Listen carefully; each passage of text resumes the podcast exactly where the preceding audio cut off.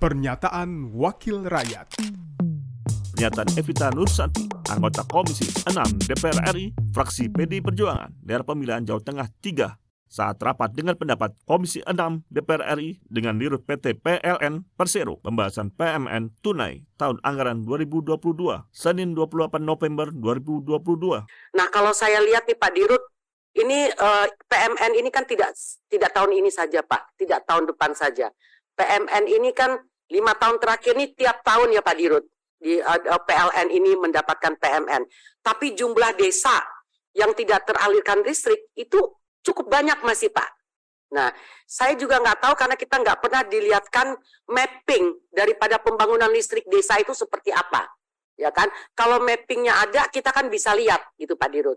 Nah, mungkin bisa kita Komisi 6 ini ke depan juga diberi mapping daripada pembangunan listrik desa.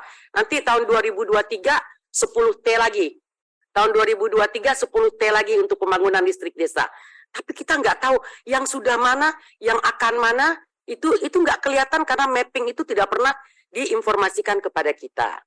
Pernyataan Evita Nursanti, anggota Komisi 6 DPR RI, fraksi PD Perjuangan, daerah pemilihan Jawa Tengah 3, produksi TV dan radio Parlemen Biro Pemerintahan Parlemen Sekjen DPR RI.